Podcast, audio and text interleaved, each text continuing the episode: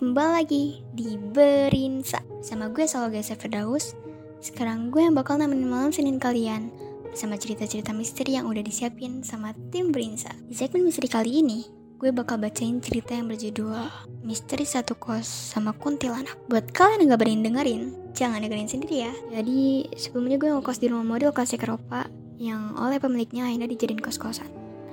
Gue baru menempati kos tersebut selama dua bulan dan gue udah ngerasa gak betah.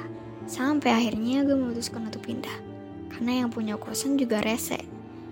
Akhirnya gue pun survei keliling kawasan untuk mencari rumah kos yang cocok di hati dan juga di dompet. Saat gue lagi muter-muter, mata gue seolah diarahkan ke sebuah rumah besar yang kelihatan baru selesai dibangun.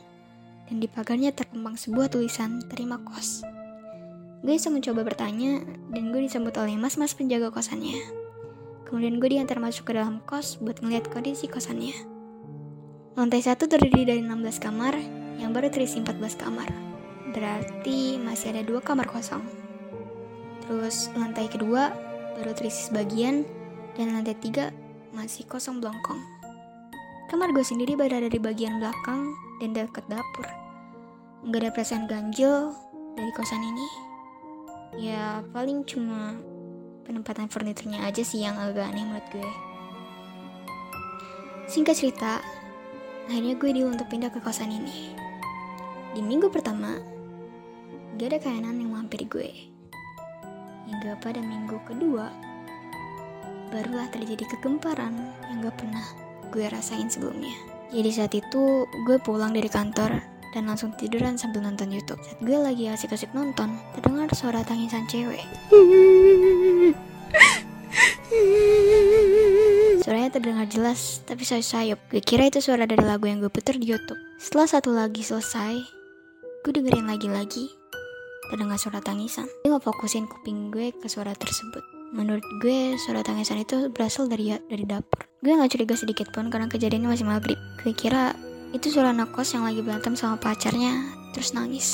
Dan keesokan harinya, gue ditanyain sama istri penjaga kos. Mbak, kemarin mbak dengar suara tangisan gak? Gue jawab, iya mbak, dengar. Kenapa? Anehnya, si mbak malah diem. Dan gak ngelanjutin percakapan kita. Gue jadi penasaran. Apalagi karena hampir penghuni kos di lantai satu mendengarkan suara tangisan yang sama. Dan sumber tangisan itu berasal dari dapur.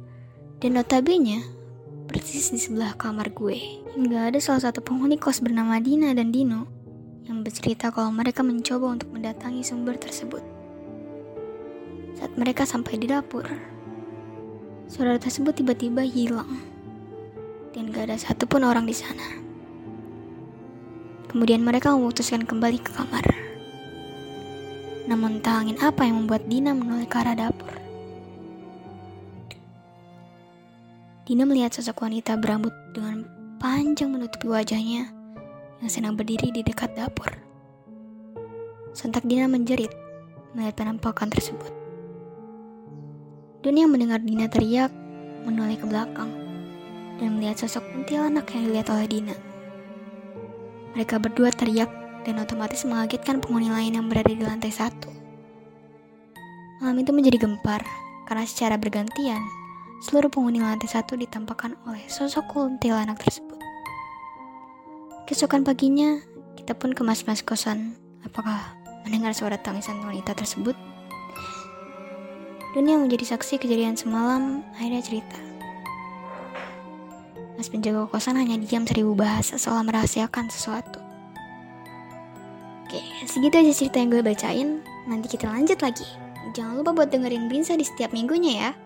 Kalau kalian ada cerita horor, misteri, romance, atau random lainnya, kalian bisa DM di Instagram kita at osissmkb2. Sampai bertemu di segmen misteri selanjutnya. See you!